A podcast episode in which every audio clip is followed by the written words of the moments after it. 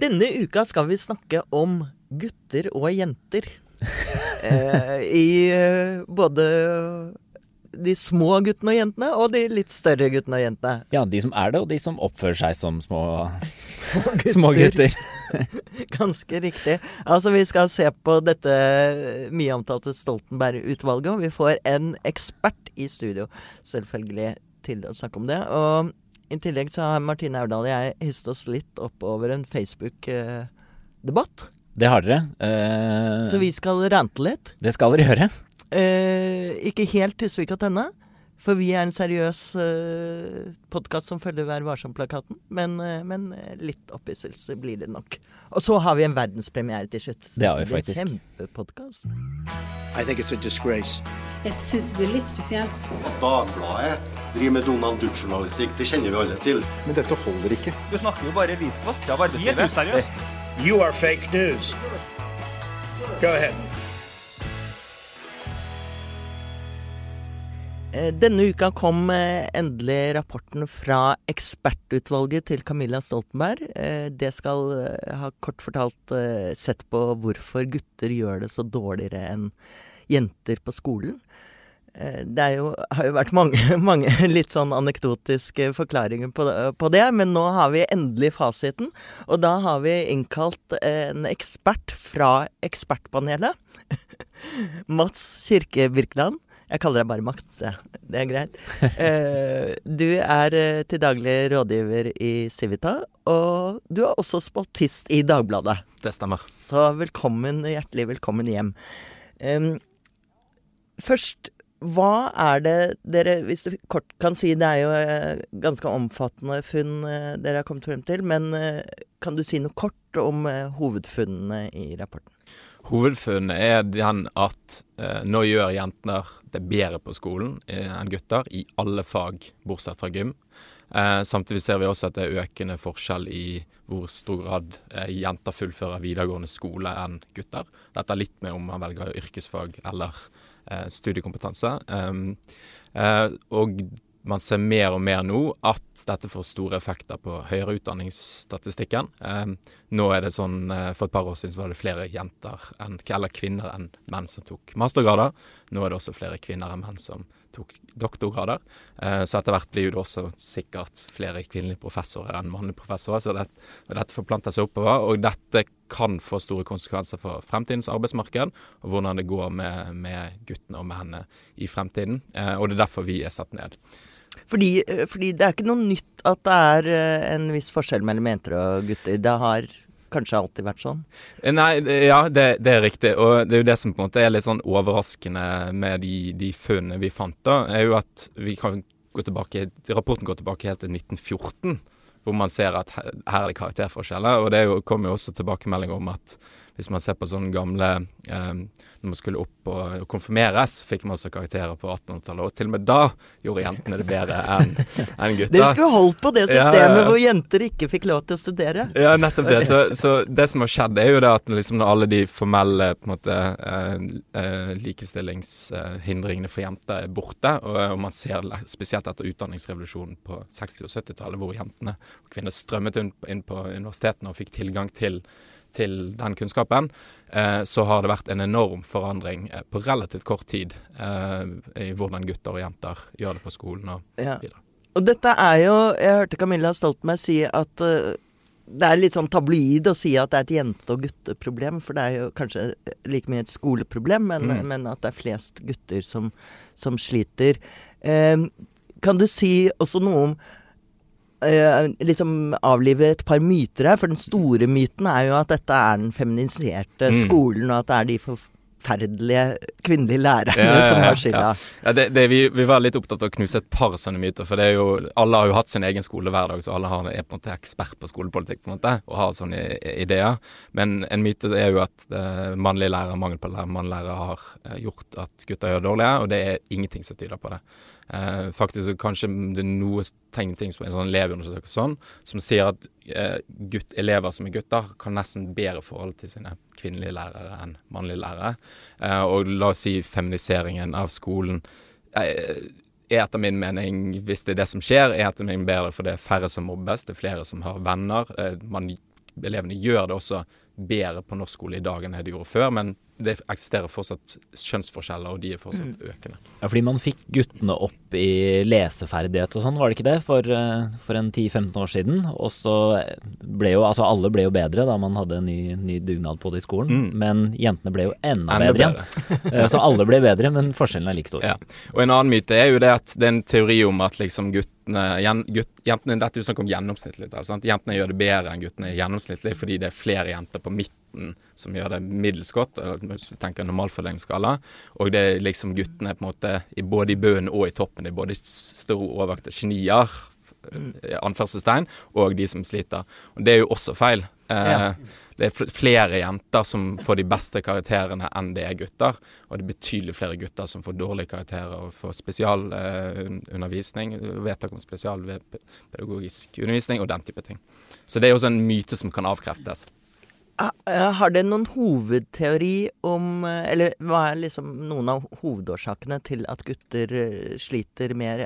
Er det eh, Det har jo vært eh, pekt på f.eks. at eh, tidlig skolestart, at gutter er litt mer umodne, og at det eh, henger Mm. ved gjennom hele skoleløpet. Mm. Er det en teori? Jeg kan jo bare skyte inn før Mats eh, svarer. Da. da jeg eh, skulle lese rapporten, så var det jo på en av de aller aller første avsnittene begynner med at sånn Rapportens viktigste, eller utvalgets viktigste funn er at vi egentlig ikke kan si noe sikkert om hvorfor det er sånn. Ja. Og så er det 250 sider til. Ja ja ja. det, Du klarte å skrive en veldig Ja. god kommentar. Jo, takk for det.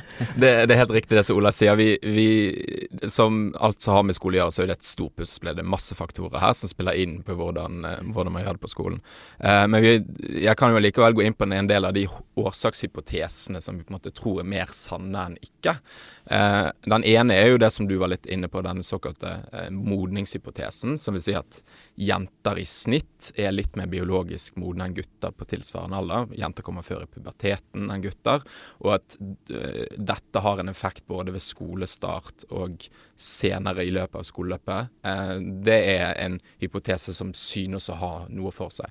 Men det betyr jo ikke at dette er den ene og alene hypotesen. Eh, en annen hypotese er jo f.eks. at eh, det virker som jenter og gutter reagerer litt ulikt på eh, preferanse for konkurranse, motivasjon, den type ting. Eh, guttene gjør det bedre på såkalte high impact-tester, altså prøver seg tellende. Da gjør gutter det bedre enn en jenter. Surprise, surprise. Så de er jenter litt mer pliktoppfyllende, f.eks., og liksom gjør det de skal. Eh, Jenter, kort fortalt generelt, så kan man si at for gutter så er det om å gjøre, måte, gjøre minst mulig innsats og få best mulig karakter, for da har man Så denne testeskolen, som alle på venstre siden i hvert fall er så mot, den er bra for gutta, den kanskje? Ja, det, det, det kan tyde på det, gitt at, uh, gitt at den testingen faktisk har uh, noe å si for hvordan om du får karakter eller den type ting. Eh? For jentene har en tendens til å på en måte eh, generelt sett undervurdere seg selv og tro de er mye dårligere enn det de faktisk er, og dermed også leser betydelig mer lekser og gjør mer arbeid, eh, mens gutter på en måte har en litt mer relaxed holdning til dette. Gutter er over gjennomsnittet hele tiden, akkurat som bilsjåfører. Ja, ja, ja det, det kan godt være. Så, så det kan jo også være med å forklare disse forskjellene. En annen ting er at eh, man ser at det andre foreldre behandler gutter og jenter ulikt. Eh, både eh, far, fedre og mødre virker det som har flere læringsstimulerende aktiviteter med sine døtre enn sine sønner, eh, som er interessant. Dette kan jo være at dette er pga. jentene allerede er flinke på skolen, og derfor på en måte eh, er det der, eller det er en, på en måte en faktisk en konsekvens av at de blir, blir flinkere på skolen. Av å gjøre hva da, f.eks.? De leser mer med de, De leser mer med de, de har mer eh, læringsstimulerende aktiviteter. Og dette kan man også til en viss grad se i til og med nede nå forskning, norsk forskning nede i norsk barnehage, hvor, hvor jentebarn deltar mer på den type eh, felleslesninger og aktiviserer i større grad av eh, barnehagepersonalet, mens gutter i større grad enn jenter er mer ute og leker frilek og måtte ikke bli tatt med. Apropos hjemmet, er det øh, Det er mange Eller noen vil kanskje hevde at klasse har vel så mye å si. Eh, Så du må svare på det klassiske Mm. spørsmålet født sånn eller blitt sånn. Ja. Har dere Eh, noe endelig svar Ja, på det? det er blandet. Eh, eh, det er ingen tvil om at nå er jo dette utvalget skal se på kjønn, og det er deres utvalgets mandat. Men det er, vis, det er jo ingen tvil om at klassebakgrunn, sosioøkonomisk bakgrunn, har veldig mye å si på hvordan det går med skolen. Men det er noe ting som tyder på at kjønn virker litt uavhengig klasse. Det vil si at dersom du er, eh, har foreldre med grunnskoleutdanning eller videregående utdanning, så er det omtrent like store kjønnsforskjeller på karakternivå som dersom du har foreldre med høyere utdanning.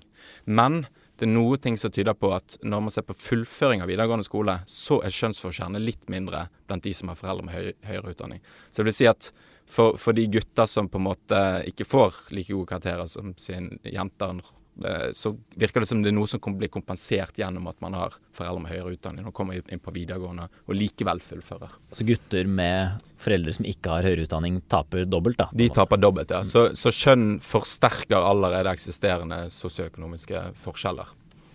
Men hva skal vi gjøre med dette her, Ola? Ja, så Du ser på meg, ja? Det er ikke jeg som har sittet i utvalget og skrevet 250 sider om det. Nei, vi skal spørre Mats. ja. eh, vi, gutt, du er gutt, så du skjønner ikke dette her. var, det sånn, var, det, var, det sånn, det var? Nei. Ja, det var sånn det var. Ja. Ja, ja. Vi, har, vi, har, 64 tiltak uh, i, i, rapporten, så jeg anbefaler de spesielt interesserte å på en måte lese de. Men eh, det som på en måte har fått mest oppmerksomhet, og der utvalget er delt, er jo dette med fleksibel skolestart.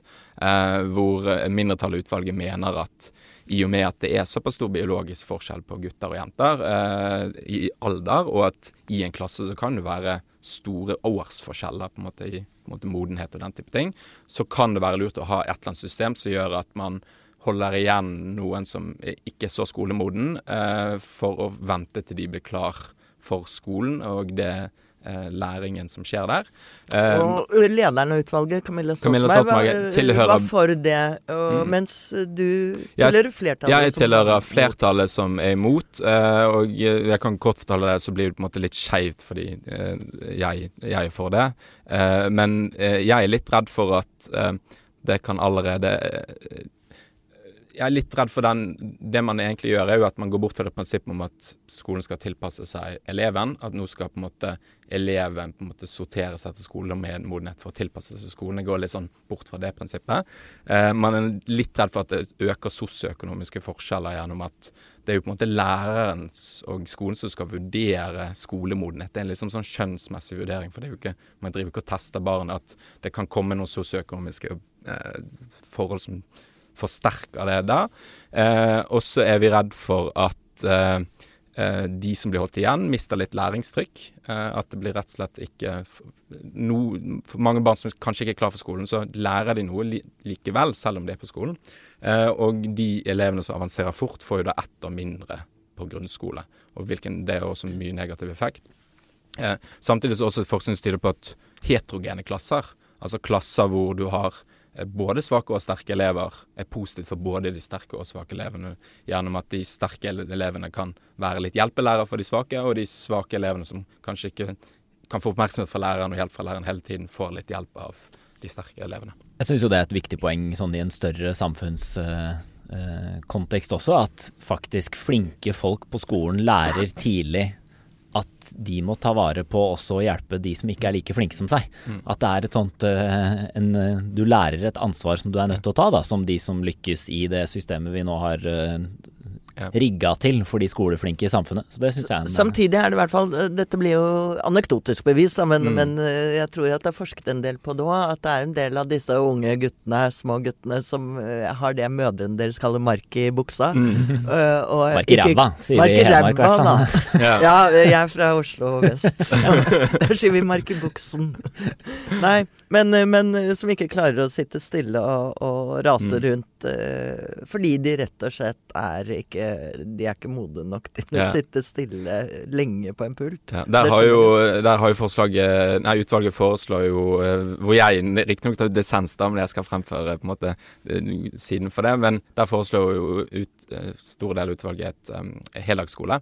Hvor ideen er jo ikke å øke antall timer på skolen med timer med undervisning, men at man skal få en større skolehverdag hvor man har mer rom imellom for friminutt å løpe fra seg og den type ting, som det er noen indikatorer på at, eh, på at gutter har litt mer behov for å løpe fra seg. Eh, og ikke minst så eh, og for, forbedre SFO, eller AKS som det heter her i Oslo, og for på en måte få en bedre rammeplan. Hva, hva skal AKS inneholde? Og eventuelt også ta inn lekser inn i AKS, slik at man får også utligne den type forskjell. Jeg syns at noe av det spennende med utvalget, altså de kommer med over 60 forslag, det er veldig mye. Det er litt uenighet også, men noe av det jeg tok meg i hvert fall fra det jeg har lest av rapporten, er at fordi vi vet så lite, så er vi nødt til å eksperimentere mer. Mm. Altså Vi er nødt til å faktisk iverksette eller igangsette en del ulike forsøk på skoler rundt i landet, som betyr at ja, noen elever kommer til å få en annen skolehverdag enn hva de kunne fått ved bare pga. tilfeldigheter om hvordan vi trekker disse utvalgene. Uh, og så må vi forske på de, og så må vi forske på de lenge. Uh, fordi hva er det de som blir født i år, de går ut av grunnskolen i 2035 mm. eller noe sånt. Eh, som gjør at det tar veldig lang tid, men i, det, altså i den store sammenhengen så er vi jo er jo et, eh, altså 16 år eh, ganske kort tid, da. Mm. Og disse skal betale min pensjon, så dere må eksperimentere raskt. Ja, ja, ikke sant. Ja, for vi må få det her til å fungere. Men altså, store poenget er vi må, vi må prøve ut veldig mye mer, da. Og så må vi forske mm. på det, finne ut hva som funker. fordi alternativet er jo at vi kjører samme modell på alle sammen. Vi tror på et eller annet tiltak absolutt alle skal gjennom det, og det er jo et enormt eksperiment uh, med barns oppvekst og liv. Det er, uh, det, er, det er veldig viktig poeng. Vi har fått litt kritikk fordi at uh, historisk så har jo det gått ganske bra med disse gutta som har slitt litt på skolen. De har kunnet på en måte pakke på en fabrikkdør eller på en måte gått jobbe seg opp i, gjerne i privat næringsliv og på en måte fått høy lønn og gjort det generelt ganske bra. men dette er jo da snakk om arbeidsmarkedet i 2050-2080. Dette er snakk om hvordan skal man på en måte redusere kjønnsforskjell for de barna som ikke engang født. Og mm, det i hvert fall utvalget peker på, er jo at arbeidsmarkedet 2050 det er mer robotisering, større krav til formelle eh, krav. Kanskje også sosial kompetanse er viktigere, hvor også jenter i gjennomsnitt har en fordel. Fordi dette forplanter seg også har mye å si for privatlivet ja, til ja. disse gutta. Mm. Altså, vi ser at det er en økende andel gutter som ikke får seg kjæreste og kone mm. og barn, og, og, faller utenfor på alle ja. mulige måter. Så dette er viktig. Eh, hva tror du Har du tro på at nå at eh, denne regjeringen bare gønner på og setter i gang eh, noen av tiltakene deres? Eh, vi får jo se. Det er jo mange tiltak som koster, koster litt penger òg, så Da tar men, de det under streken. Ja, det, det, det virker sånn. Det, det er det man gjør for tiden. Men det er i hvert fall gitt visse signaler også i den, måte, den regjeringsplattformen om at dette med fleksibel skolestart er det noe man skal se på. Så, så jeg i hvert fall forventer at det kommer noe der. Og så er det en del av sånne andre sånne mindre tiltak som eh, gjerne ikke så koster så mye penger som jeg også håper eh, regjeringen kan, kan gjennomføre. Takk for at du kom, Mats. Dette er kjempespennende stoff, og det tror jeg vi kommer til å ta opp flere ganger i denne podden. Så Absolutt. får vi håpe at regjeringen ikke bare legger den i skuffen, sånn som de ofte gjør med sånne utvalg, dessverre. ja. Vi skal følge opp, i hvert fall. Tusen takk for at jeg fikk komme.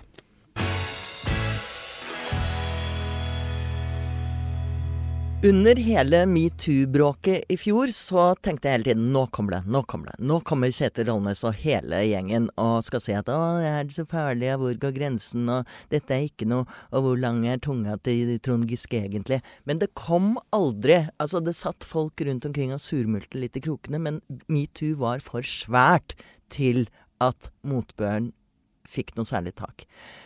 Men nå, et år etterpå, så tyter det ut på Facebook og overalt. Det er som om denne berømte ketsjupflasken som du har ristet, den bare eksploderer utover hele.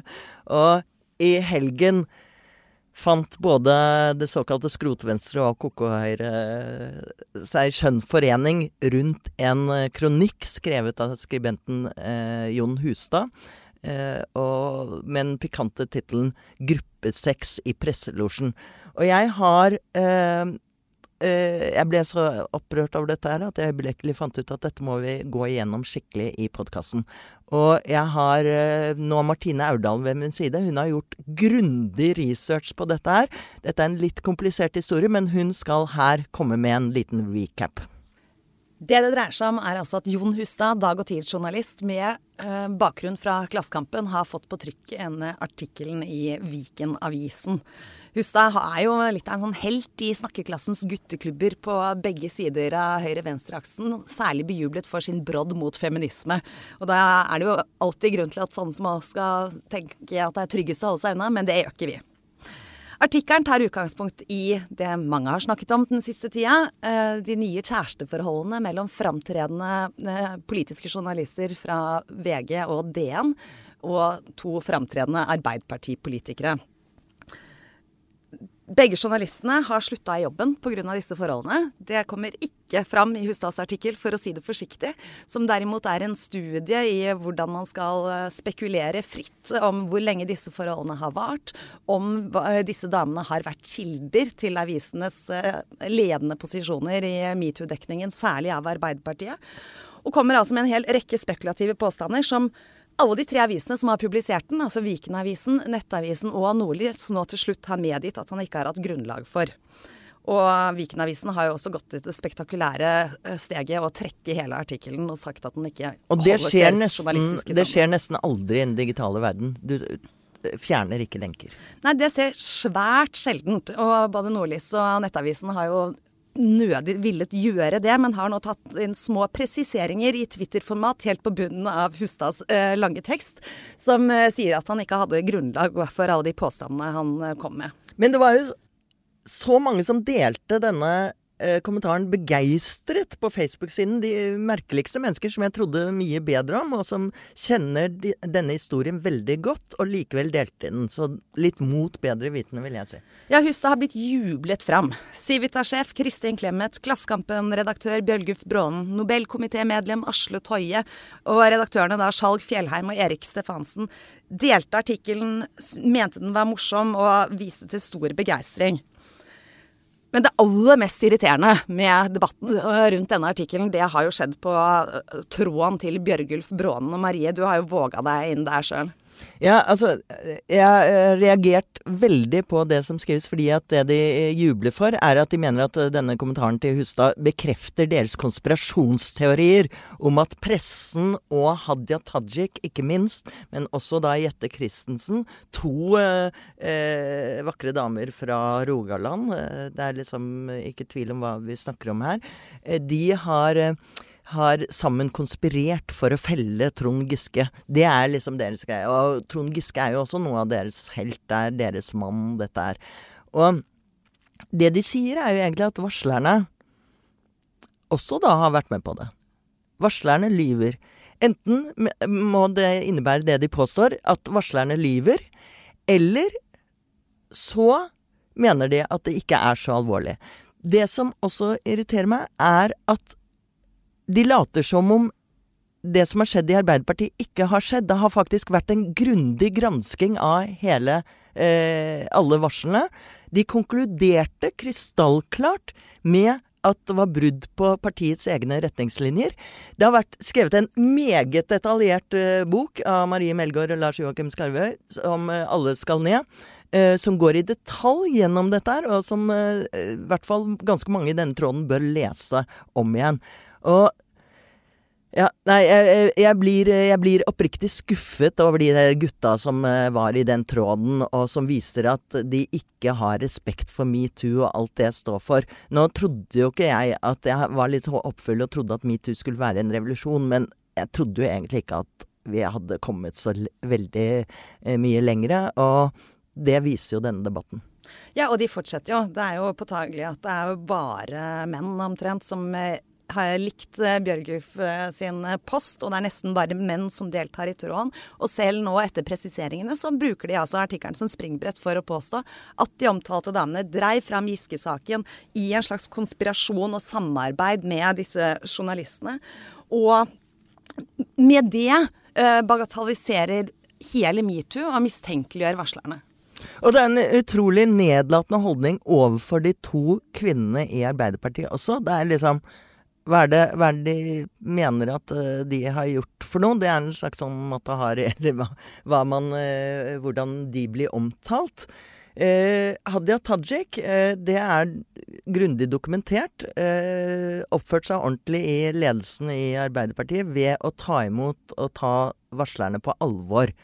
de ble tvert imot, Resten av ledelsen ble tvert imot kritisert for at de ikke gjorde det. Og at man dermed skal påstå at dette var noe Hadia Tajik fant på for å kvitte seg med Trond Giske, er liksom eh, veldig absurd. Det, det tvert imot skadet jo partiet noe voldsomt, hele denne bataljen. Det tror jeg ikke Hadia Tajik ønsket. Og dermed illustrerer det nøyaktig hvorfor vi i pressen ikke vanligvis eh, trykker den typen spekulative påstander uten hold, fordi at det nettopp bidrar til å spre konspirasjonsteorier og eh, bagatellisere både eh, metoo, varslerne, men også oppførselen til eh, den typen mannskriser som de gjerne vil eh, identifisere seg med, og det oser av kvinneforakt. Det gjør det, og denne debatten her har vist at vi står fortsatt langt fra hverandre i synet på metoo, i hvert fall i enkelte kretser. Og det har kanskje vært sunt, men da desto viktigere at vi tar kraftig til motmæle. Bra, Martine. Metoo fortsetter.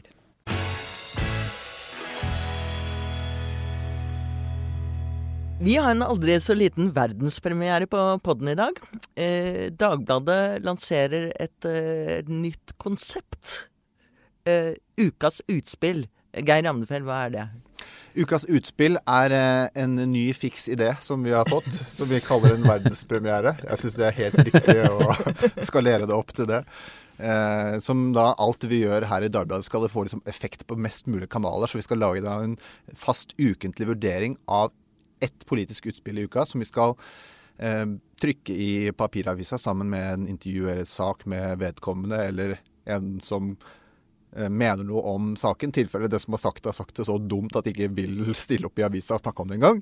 Eh, og så skal vi ha det som en sånn fast eh, ting her i podkasten din. Og i dag så får jeg lov til å være med, fordi jeg har eh, vurdert. Men neste gang så er det kanskje noen andre som som vurderer. For jeg tenker sånn at Det kan alle hende jeg også må vurdere, fordi at uh, Geir er litt snill, er han ikke det? Han Ja, er vi får se. Vi får se. Vi får se. Men glemte du det viktigste nå? Den skal avsluttes da med Et uh, terningkast. Et terningkast, Et ja. forhatt terningkast. Ja, for det er det vi egentlig vil, er det ikke det? Vi har lyst til å trille en toer og en ener på politikere. Ja, hver gang vi lager noe, så er det til mål at det skal bli en terningkast, uh, et terningkast ut av det, selvfølgelig. Ja, det er, ja, det er anstrengende at vi må skrive alle disse tekstene hele tiden. Ja, ikke sant. Kunne bare kaste terninger. Ja, ja, ja, Men, eh, men, Vi har blitt late nå som vi har begynt med podkast. Ja, ja, ja. men, Men- hva, hva er grunnen til at, uh, at du skal gjøre det? Er det er det for å bare dumme det ut, eller skal vi også gi de gode terningkast hvis de har sagt noe smart? Tenk om det kommer en uke hvor det er ingen som sier noe dumt. Da må vi jo velge noen som har sagt noe smart. Så det, Vi håper jo ikke det skjer, men det kan jo hende at vi blir nødt til å gjøre det. Og, jeg, og så tenker jeg altså sånn derre Alle podkaster med respekt for seg selv skal jo ha en sånn fast sånn siste punkt på, på programmet. Og da fant vi ut at dette her er jo egentlig yeah. perfekt. Jeg har sviktet litt der. Det er bra, Geir, at du kommer meg til unnslutning. Nei, nei, nei. Det var, var noen andres idé, så jeg tar Men hvor begynner vi? Men uh, hva er den første? Den Verdenspremieren? Hvem får æren? Nei, altså det er, eh, det er Erna Solberg som får eh, Selvfølgelig. som- Helt til topps. Det var jo, hun var jo raskt ute og meldte seg på i konkurransen, fordi vi tenkte sånn Å nei, dette blir vanskelig hver uke. Sånn, det kommer til å bli vanskelig vi, ja, Tenk om det er noen som kommer på tirsdagen og onsdagen, og så kommer det ikke på torsdagen. Men hun seilte jo opp med en helt forferdelig uttalelse helt i begynnelsen av uka. Så yes, da har vi én til vår verdenspremiere. Og det skal jeg bare lese uttalelsen. Ja, godt. Sånn i, eh, i all sin prakt. Vi kan la være å bygge nytt regjeringskvartal og si at Anders Behring Breivik vant. De fire bygningene han tok ut, blir stående sånn. Som et dødt landskap og et monument over terrorhandlingen. Og hvorfor sa hun det her? Det her sa hun um, Dette sa hun i forbindelse med at hun er pressa. Nå, nå skal jeg bare gå løs på vurderingen, da. Det kan du gjøre. Skal jeg bare gjøre det? Ja. Um, Erna Solberg hun er jo veldig viktig for regjeringen, og hun er veldig viktig for Høyre. Hun er på en måte limet i regjeringsprosjektet. Det er hun som har insistert på at det skal være en firepartiregjering. Eh, og mens alle på en måte andre har kommet med dårlige, dumme utspill og sånn, så er det hun som på en måte har liksom lappet det sammen og vært den som, som, som, eh, som har limet det, limet det sammen. Men nå har på en måte liksom limet glippet litt, da. Nå, nå mister liksom Erna festet. Um, og Grunnen til at det skjedde, var at hun har blitt presset på en sak som er veldig vanskelig for regjeringen, og som er veldig vanskelig for Høyre. Og Det er jo nettopp spørsmålet om oljepengebruk. For i regjeringsplattformen så har da eh, regjeringen eh, kommet fram til at de skal finansiere, eller de vil vurdere å finansiere en kjøp av ny eh, fregatt, som noen var så dumme å senke utenfor Vestlandet. Og, og, da dette regjeringsbygget som noen var så dumme å sprenge eh, i 2011, eh, med eh, penger utenom handlingsregelen, eller under streken, som man har kalt det. Og det er jo veldig politisk Under streken, kort, hva er det? Altså Dette uttrykket tror jeg mange lurer på. Under streken vil si at man tar det som en 90-post. Altså at man bruker, man, man bruker ikke av den vanlige potten som man skal eh, finansiere alle tingene på staten. Så slipper å prioritere, rett og slett? Man slipper å prioritere. Man, slipper, man tenker, trenger ikke å tenke på handlingsregelen. Man sier at liksom, i dette tilfellet så gjelder ikke handlingsregelen, for dette er så, uh, dette er så eksepsjonelt. Mm. Det er selvbedrag. Fordi det er jo alltid sånn at det kommer noen store utgifter. Arbeiderpartiet for noen år siden de skulle kjøpe jagerfly til 66 milliarder. Da tror jeg også det var noen som snakka om at det burde tas utenfor. Men der tok de det innenfor handlingsregelen. Men, men Erna Solberg, altså hun er jo liksom en traust og stødig person. Jeg syns hun uh, stadig ofte glipper litt uh, med Kommer litt sånn slumsete uttalelser. Altså trekke frem uh, Behring Breivik i denne sammenheng var jo Kanskje ja, altså, ikke bare upassende, men uh, rett og slett litt sånn uh, skamløst. Ja, det var, det var, veldig, veldig rart, rett og slett. Og jeg tror det er derfor også det vakte såpass stor oppsikt, fordi eh, for det første så gikk hun jo ut Det virket som hun følte behov for at ok, her må hun komme liksom eh, Frp til unnsetning, for alle mistenkte at dette var Frp-politikk. Det hørtes var, ut som Frp? Det hørtes ut som, og det er Frp-politikk. Det er ikke høyrepolitikk å bruke penger uten, utenom handlingsregelen. De er jo da eh, ansvarlighetens eh, mestere. Eh, og, eh, og og, og når, de, når, de, gjorde det, eh, så, så, kom Erna Solberg på banen, og da sa hun at eh, dette var mitt forslag. Det var jeg som ville at vi skulle bruke penger utenfor handlingsregelen. Og da virket det som på en måte liksom, hun må, følte at hun måtte tråkke litt ekstra til. Og da kom dette her utspillet om Anders Behring Breivik. Og det er som på en måte liksom det spratt en sånn padde ut av uh, munnen på Klaska ned på asfalten. Hva i alle dager? Er, så folk fikk litt sjokk, da. Jeg tror Erna har vært for mye sammen med Trine Skei Grande. Det er den eneste forklaringen dette er. Men nå, nå Hva blir terningkastet? Det blir en terningkast to. Det kunne, vært en, det kunne vært en ener, faktisk. Og du sa Geir var snill? Det er jeg enig Jeg er enig. Jeg ville gitt ener. ja, men det var jo helt oppsiktsvekkende dårlig uttalelse. Helt forferdelig. Men uh, hun kan jo i hvert fall skryte av at hun var den første. Uh, og denne podkasten som dere nå har hørt på, er så god at den fortjener i hvert fall en rating med fem stjerner hvis dere går inn og rater oss. Det syns jeg. Terningkast seks. Ja. Du har hørt på siste med Marie Simonsen. Og Sammen med meg her i studio har Ola Magnussen Rydje sittet.